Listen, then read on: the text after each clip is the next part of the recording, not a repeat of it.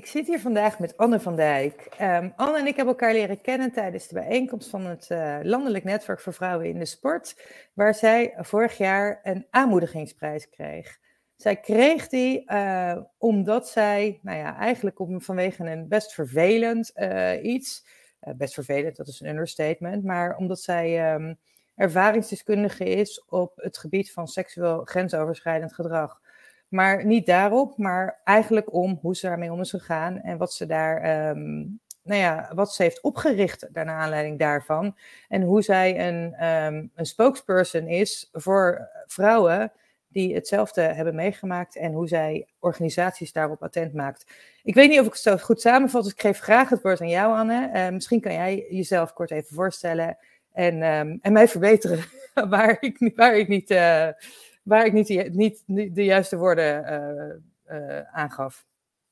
Ja, dankjewel Esther. Mijn naam is Anne en ik ben 19 jaar oud. En in 2017 kreeg ik te maken met seksueel grensoverschrijdend gedrag in de sport. Ik werd toen gefilmd door mijn volleybaltrainer tijdens het omkleden. Uh, ik heb inderdaad direct op aangesproken en heb toen een melding gemaakt bij de politie. En daar is uiteindelijk ook een rechtszaak uh, uitgekomen uit die hele ervaring. En toen ben ik eigenlijk het maatschappelijk werkveld ingerold. Toen heb ik eerst bij een stichting en vervolgens bij een organisatie gewerkt. En inmiddels sinds uh, vorig jaar januari ben ik voor mezelf begonnen. Uh, onder de naam van Advices. En met Advices geef ik cursussen over het onderwerp grensoverschrijdend gedrag. Vanuit mijn eigen ervaring uh, voor de bedrijf, sport, overheid en onderwijssector. Ja, en je zegt het heel mooi van ja, vanuit jouw ervaring. Um, maar wat jij toen ook aangaf, is eigenlijk dat jij tegen heel veel dingen bent aangelopen. Um, toen jij dus, het, je zegt ik ben maatschappelijk wel werkveld ingegaan. Maar je gaf toen aan van ja, ik ben tegen heel veel ja, gewoon vervelende dingen aangelopen. Ook van nou ja, niet, niet geloofd worden. Of uh, ja, het wordt allemaal een beetje weggewuifd en dergelijke. Kun je daar wat meer over vertellen? Ja, toen ik zelf die ervaring meemaakte, toen was ik natuurlijk 13 jaar oud. Um, en ja, het was altijd zo'n lieve en begaande man. Dus niemand geloofde mij in eerste instantie hier in mijn omgeving dat hij echt zoiets gedaan kon hebben. En dat was vooral een hele lastige tijd, omdat ik toen ook heel veel te maken kreeg met victim blaming. Dus ik kreeg onder andere bijvoorbeeld heel veel waarom vragen en uh, ja, ook schuldige uitspraken van ja Anne, maar je bent toch zelf mee gaan passen. Um, dus ja, dat deed mij op dat moment heel veel pijn. En toen ben ik uiteindelijk het maatschappelijk werkveld ingerold uh, over dit onderwerp. En toen liep ik eigenlijk ook tegen veel dingen aan. Waardoor je eigenlijk ziet dat er bijvoorbeeld bij uh, ja, verenigingen, bedrijven, het beleid niet helemaal op orde is. En dat ze vaak zeggen van, ja, dat gebeurt bij onze vereniging niet. Um, ja, of we kennen hem toch, dus we hoeven bijvoorbeeld geen VOG te vragen. En ja, tegen zulke systemen loop je dan wel tegenaan waar het dus eigenlijk gewoon misgaat. En dat is soms best wel schrijnend om te zien. Alleen het is alleen maar heel dankbaar om daar een verschil in te mogen maken en om daar maatschappelijk aan bij te kunnen dragen. Ja, en even, even terug, want uh, niet iedereen kent jouw hele verhaal. Je zegt, je bent zelf mee gaan passen. Wat, kan je heel even kort toelichten? We gaan er niet uitgebreid op in, maar even toelichten van wat er dan, wat er dan is gebeurd. Omdat dat ook dan verduidelijkt richting, uh, weer richting uh, de luisteraars. Ja, nou ja, ik was natuurlijk 13 jaar oud. Ik uh, dacht naar een volleybaltraining te gaan, zoals iedere andere volleybaltraining. Um, en toen vroeg mijn volleybaltrainer aan mij of ik alvast een beachsetje wil passen. Dat is een soort bikini voor het beachvolleybal. Um, voor de beachvolleybalselectie. En die beachvolleybalselectie was een selectie waar ik naast mijn gewone uh, clubtraining aan meedeed. Dus ik ben met hem mee gaan passen, wel uh, in het scheidsrechterkleedlokaal in een aparte wc-hokje. En toen we daarheen liepen, vroeg ik hem twee dingen. En het eerste was dus um, of we niet andere meiden die ook in mijn team zaten moesten halen. Of die ook mm -hmm. niet meer moesten gaan passen. Maar dat hoefde niet. Die kwamen later wel, zei hij. En ik vroeg nog aan hem of ik in het gewone dameskleedlokaal mocht passen. Maar hij zei dat hoeft niet, want er is een aparte wc in het scheidsrechterkleedlokaal. Dus toen ben ik daar toch gaan passen in die aparte wc. En toen zag ik zijn telefoon onder de deur door. Want er zat zeg maar een opening van, ik denk zo'n 5 centimeter. En uh, ja, daar zag ik dus zijn telefoon. En toen ben ik uiteindelijk dat hokje uitgestapt. En toen zei hij van, nee, nee, deze is niet goed. Deze is denk ik iets te groot. Probeer maar een strakkere. En toen heb ik hem dus aangesproken op wat ik gezien had. En toen zei hij, nee, nee, dat was mijn schoen, niet mijn telefoon. En ik krijg er buikpijn van dat je zo over mij denkt. Ja, en toen dacht ik wel van het ligt aan mij. Maar ik wist eigenlijk vastberaden van ja, als ik nu niks doe, dan staan die beelden straks op het internet. En dat was het laatste wat ik wilde. Dus toen zei ik tegen hem van dan wil ik nu je galerij zien. En toen ging je even in een hoekje staan. En ja, toen verwijderde hij zijn beelden. En ja, een paar seconden later kreeg ik zijn telefoon te zien. Toen waren de beelden natuurlijk al verwijderd. Dus ben ik gelijk naar huis gegaan en hebben een melding gemaakt bij de politie. En toen is hij dezelfde avond nog staande gehouden. En ja, uiteindelijk is er natuurlijk dan nog uh, een heel traject en een, ja, een rechtszaak uitgerold. Dus dat is eigenlijk wat ik toen meemaakte op 13-jarige leeftijd. En dat had enorm veel impact. Want van uh, de schoolbanken beland je ineens uh, bij een politievoor op het kantoor daar zo. En ja, dat maakt wel heel veel indruk. En dan weet je ook wel dat je, dat je leven verandert. Want op dat moment kwamen diezelfde avond dat het gebeurde. Toen kwam de politieman bij ons aan de deur en die vertelde: Welkom in de grote mensenwereld, Anne. En toen keek ik hem aan en ik begreep nog niet zo goed wat hij bedoelde. Maar door dat hele proces wat je daarna meemaakt, uh, ja, ga je wel beseffen waar hij toen op doelde en wat, wat hij daarmee bedoelde. Want je leven verandert zo snel. Je wordt ook ineens wel heel snel volwassen daardoor. En er zijn een aantal vragen die bij me opkomen hierin, en die zullen misschien luisteraars ook wel hebben. Ik zeg ten eerste, je was 13 jaar. Hoe, ik bedoel, dat vind ik ook heel krachtig voor een meisje van 13. Hoe, um, hoe kwam het dan dat je op dat moment al dacht, oké, dit, dit klopt niet? Ik bedoel, dat kan natuurlijk, ik denk dat dit veel vaker gebeurt en dat het dan, dat je weggewuifd wordt of iets dergelijks. En uh, of dat meiden niet durven zich uit te spreken. Hoe komt het dat jij dat wel hebt gedaan? En wat is de tip voor andere meiden als ze zoiets ervaren? Nou ja, um, ik was inderdaad op dat moment wel 13 jaar, maar ik besefte wel heel goed dat wat hij deed, dat het over mijn grenzen ging. En mm-hmm. ja, ik denk dat heel veel mensen zich op die leeftijd wel afvragen van, hey, um, is dit grensoverschrijdend gedrag?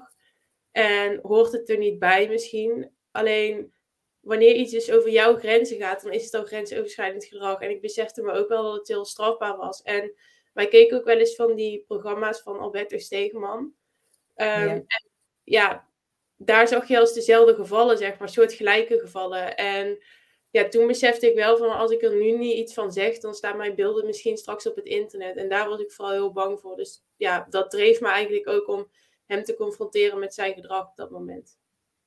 Ja, dapper. En je zegt ook welkom in de grote mensenwereld. Wat is er allemaal op je afgekomen in die periode? Ja, En hoe ben je ermee omgegaan? En, sorry, en, en, en hoe ben je daarmee omgegaan als, nou ja, als puber? Je zat in je puberteit, maar je bent inderdaad in één keer versneld volwassen geworden. Uh, als ik het uh, ja, zo hoor. Ja, klopt. Ja, in het begin kreeg ik natuurlijk heel veel te maken met ongeloof vanuit mijn omgeving. Uh, en dat was vooral wel een zware emotionele tijd. We kregen ook de juiste hulp niet helemaal op dat moment. Want ja, in, als je zoiets meemaakt, dan krijg je vaak in het beginstadium een vertrouwenspersoon. Mhm. En toen kreeg ik dus in eerste instantie vertrouwenscontactpersoon van de vereniging. Maar ja, ik woon hier in een dorp en dat is best wel ons kent ons.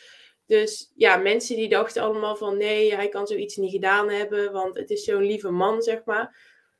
Dus mensen geloofden mij niet. En was die vertrouwenspersoon, ja, die geloofde ook niet echt in die zin. Of dat, dat was heel moeilijk, omdat hij afhankelijk was binnen die omgeving. Dus het voelde niet veilig om daar te melden. Dus toen kreeg ik een vertrouwens uh, persoon van NOC-NSF. En dat was toen van Vertrouwenspunt Sport. En die zei, ga geen aangifte doen, want je komt in een vreselijk traject en je kunt ook nog aangeklaagd worden voor smaad. Nou ja, gelukkig hadden wij al aan, uh, of ja, een melding gemaakt bij de politie, dus dat advies was gelukkig al te laat voor ons. Um, en vervolgens, omdat het daar natuurlijk ook niet veilig was om daar te melden voor ons, kregen we een vertrouwenspersoon van de Nederlandse Volleybalbond, de NEVOBO.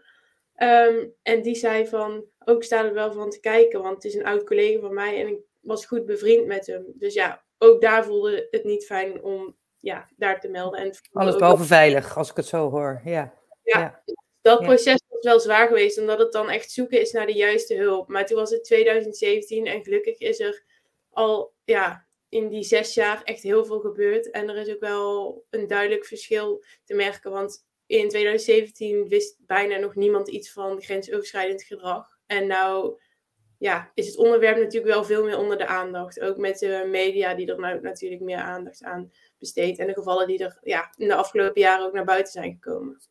En wat had je nodig gehad op dat moment?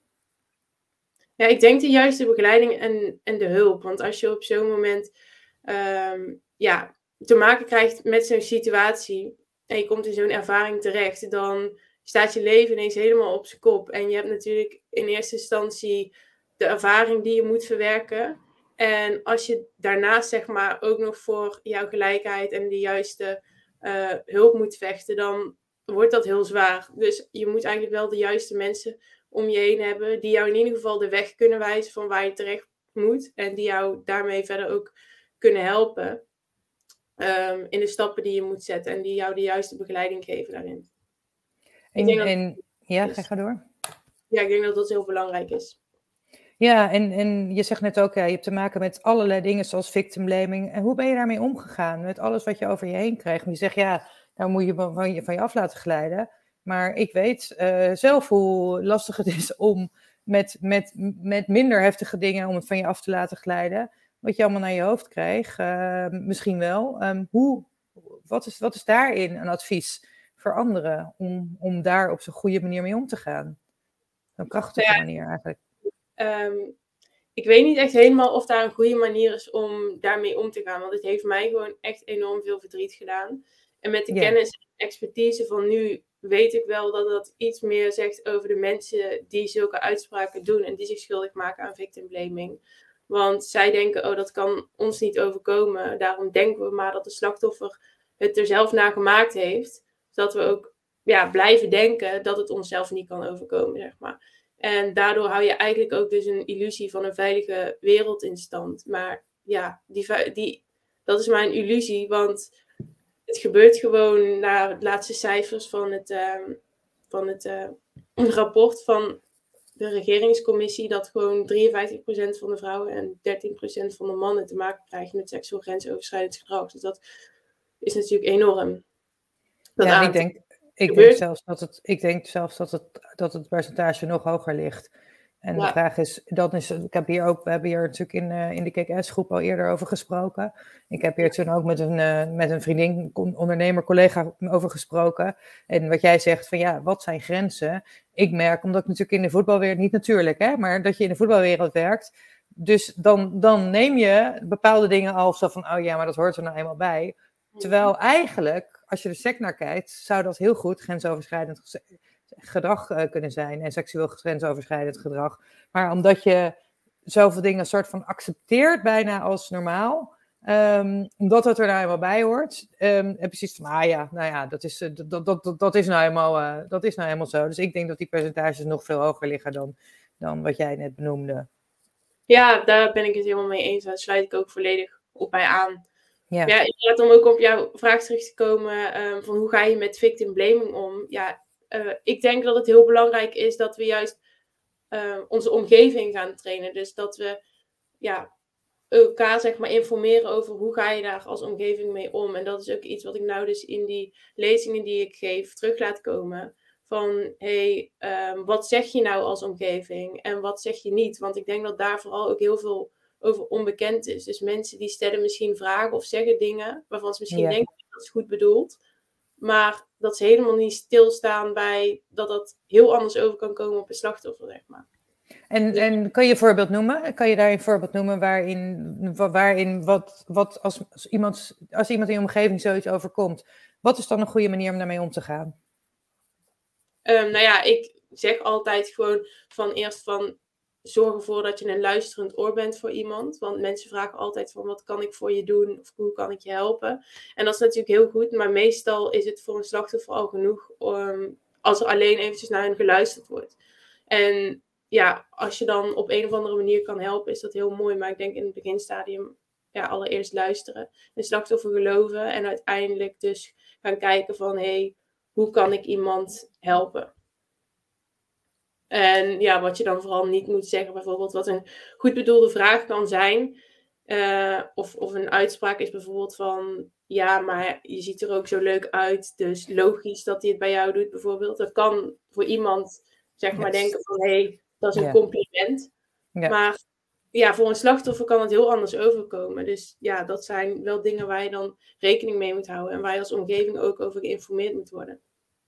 Ja, Ja, dat is een goede. Inderdaad, dat je niet meteen. En dat is, we willen natuurlijk allemaal, we hebben al die helpers. Uh, personen in ons. We willen graag dan helpen en denken dan op daarin. Terwijl je inderdaad het meest helpt door alleen al te luisteren en er te zijn voor die persoon.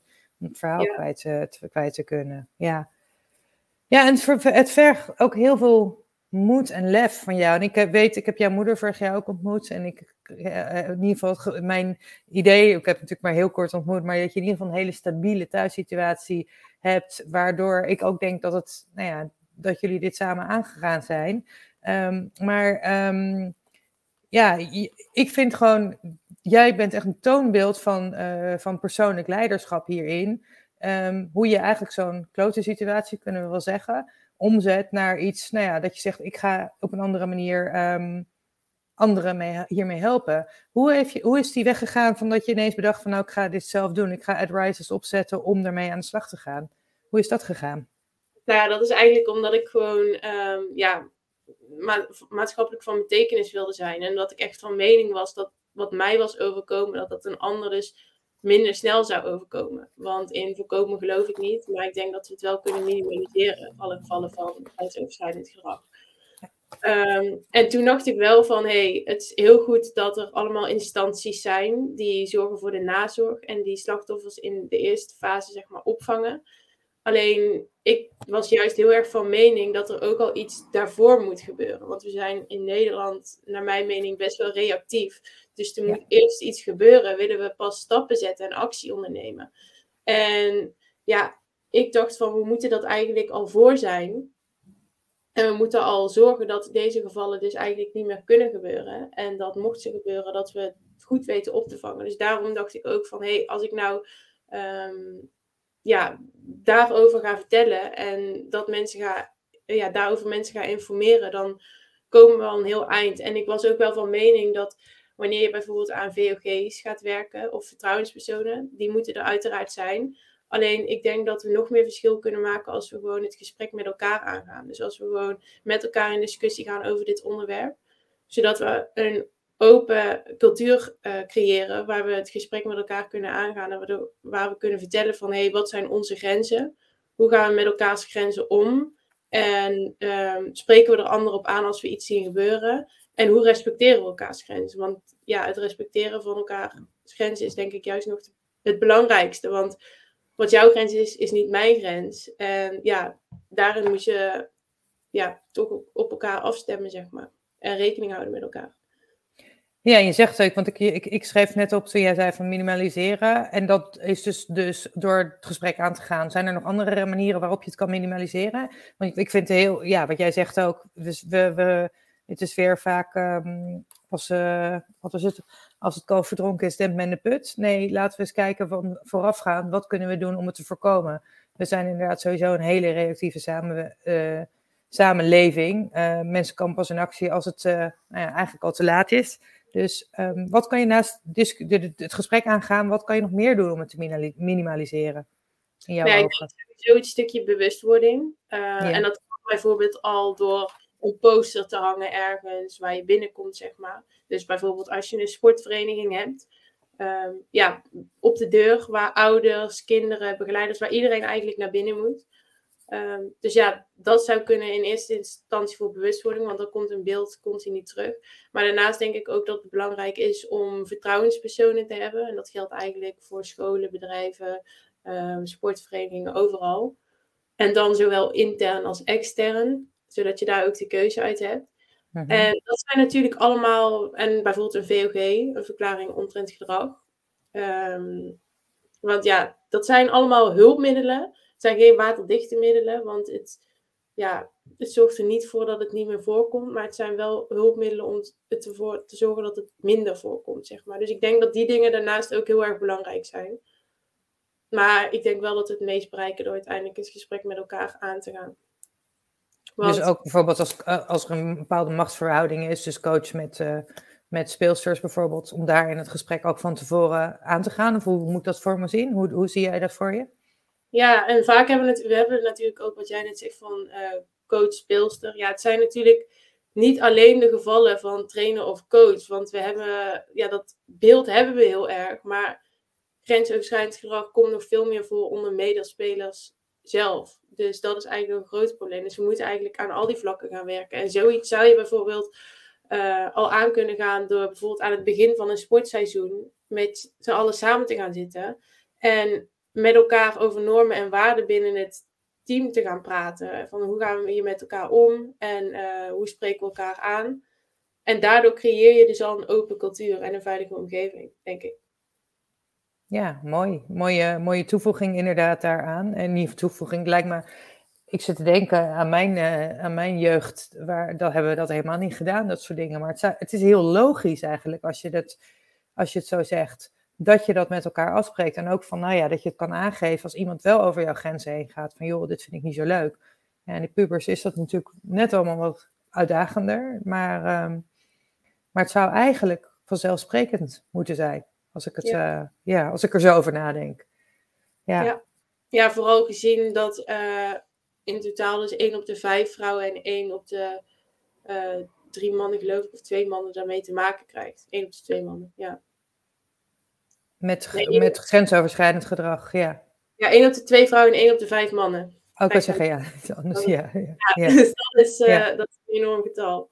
Ja, en nog steeds denk ik dat die aantallen hoger zijn. Maar, uh, maar ja, dan is het ook de vraag, wat versta je eronder? En ja, welke grenzen? Die, die grenzen, dat is natuurlijk een grij, grijs gebied, waardoor iedereen, ah ja, doe niet zo moeilijk. En uh, bepaalde, ja. bijvoorbeeld sporthumor, voetbalhumor heb je dan ook. Ah joh, ja, dat kan inderdaad best wel heftig zijn.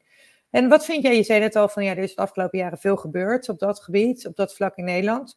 Wat vind je van de ontwikkelingen en wat zou er nog meer nodig zijn in jouw ogen?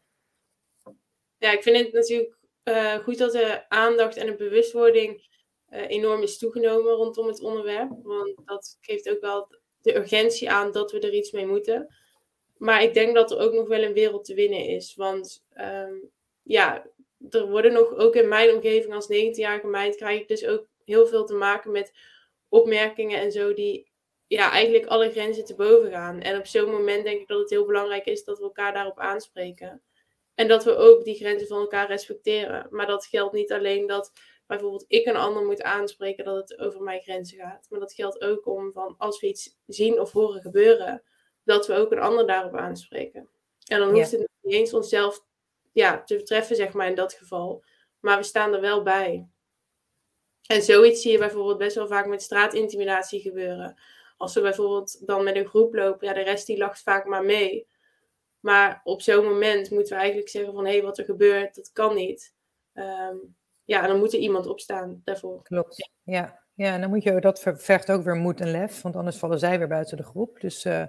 ja. dat is en een... dat is ook wel een verandering die we als samenleving kunnen doormaken, zeg maar. En waar we ja. ook wel mee aan de slag moeten. Nou ja, daarover gesproken. Jij hebt onlangs een post geschreven op uh, onder andere LinkedIn, die hartstikke viraal is gegaan. Waar jij ook aangaf wat, um, nou ja, wat er allemaal uh, richting jou in jouw inbox bijvoorbeeld uh, verschijnt. En dat was ook heel, nou ja, die, die, die thread om dat te lezen. Ik heb niet alles doorgelezen, want je hebt zo bizar veel reacties gekregen. Maar dat vond ik ook heel frappant inderdaad, om te zien wat er gebeurt. Hoe is dat voor jou geweest? Want wat is de reden geweest dat je die post hebt geplaatst? Misschien kan je het toch even kort, kan je het kort even toelichten. En wat is er daar aanleiding daarvan allemaal gebeurd? Want het is, hij is, wat zei je, een half miljoen keer, zei je in het voorgesprek, half miljoen keer bekeken? Bizar, ja. Ja, ja. ja.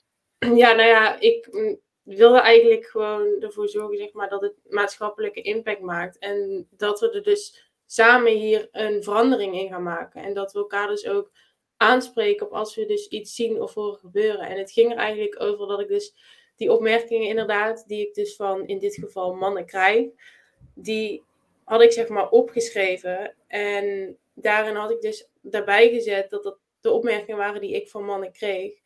En dat dat gewoon ja, best wel impact maakt. En dat we samen daar eigenlijk voor op moeten komen en dat we daarin moeten veranderen.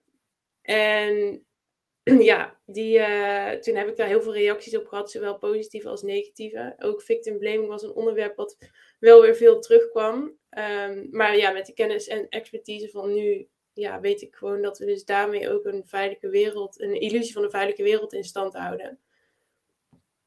Dus ja, ik vind dat wel schrijnend om dan te lezen, omdat ik wel denk van, hé, hey, het kan in die zin ook ja, we moeten als maatschappij nog zoveel, zoveel veranderen. Omdat het ook die, ja, dat dit ook niet alleen mij gebeurt, zeg maar. Dit gebeurt zoveel meer vrouwen. Ik kreeg heel veel reacties van uh, zowel mannen die zeiden van hé, hey, we moeten veranderen, als vrouwen die zeiden van hé, hey, wij moeten ook veranderen richting mannen.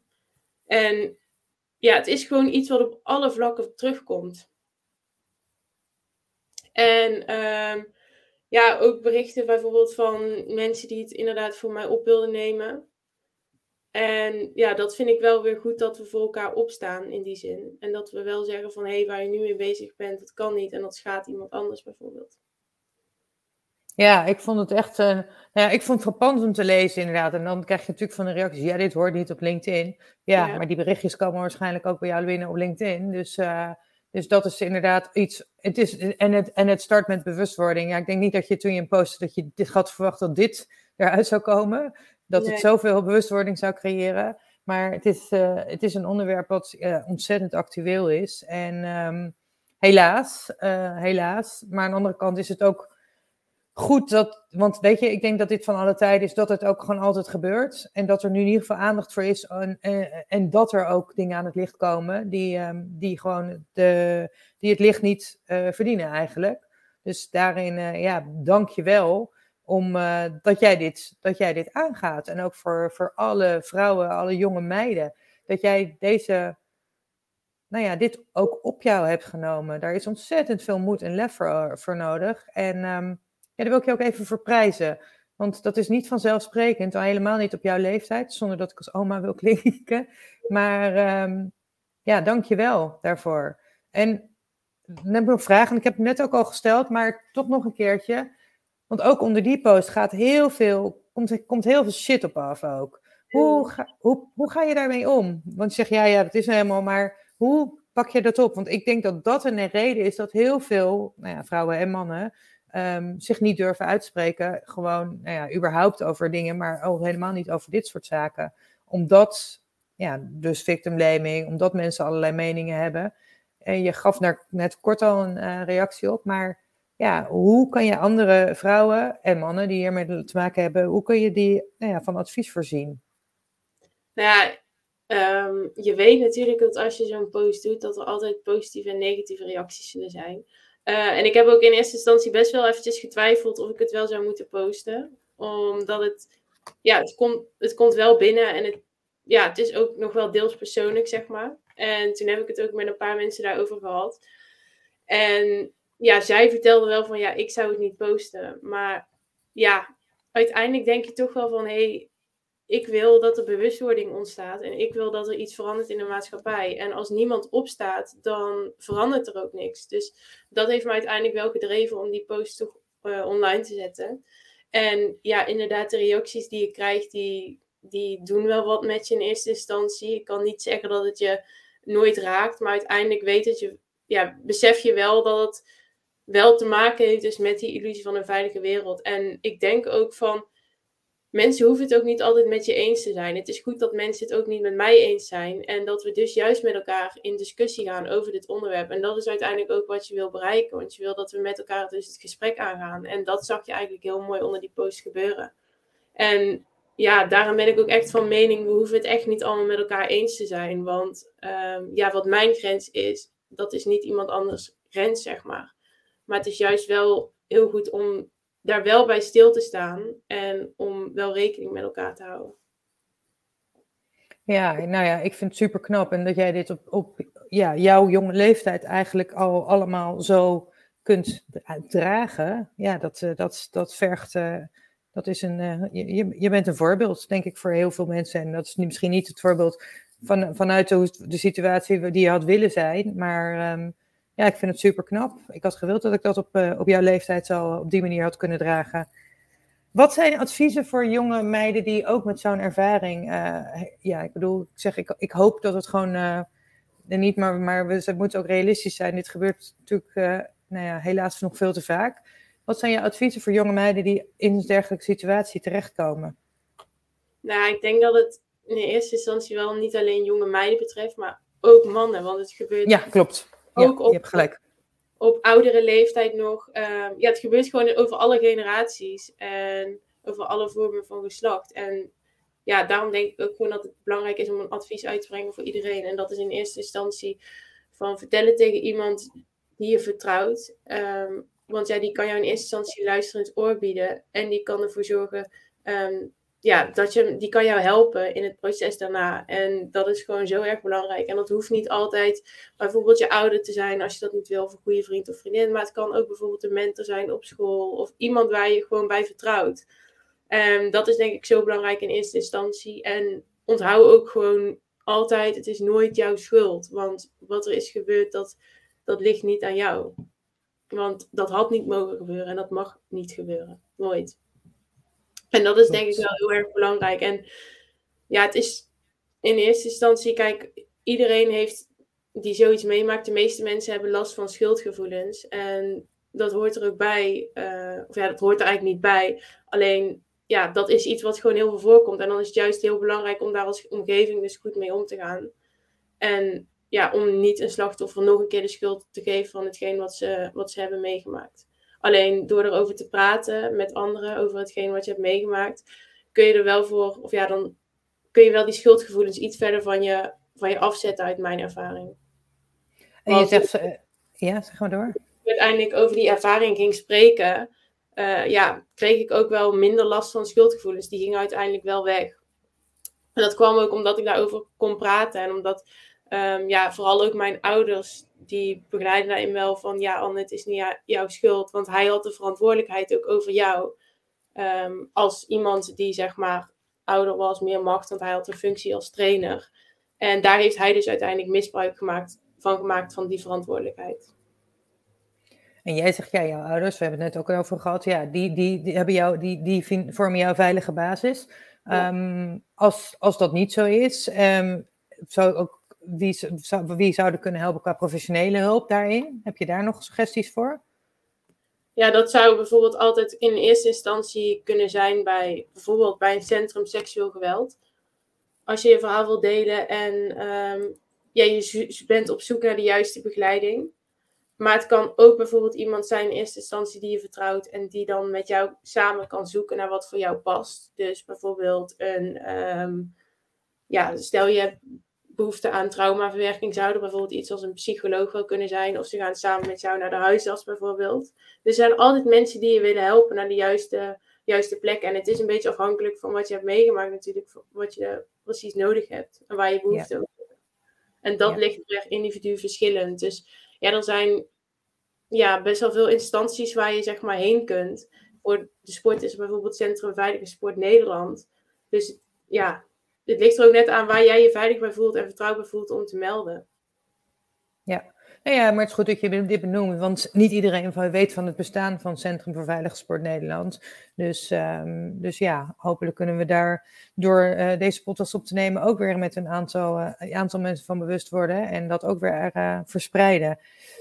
Um, jij hebt, je bent nu aan het studeren en je hebt advices. Um, wat is jouw ambitie met Arises of met je studie of iets? Wat, hoe, zie jij jezelf in de komende jaren? Wat wil jij bereiken daarmee? Nou, ik wil eigenlijk in eerste instantie dus wel uh, bewustwording creëren en ik wil bijdragen aan een veiligere omgeving in onze maatschappij, in onze samenleving.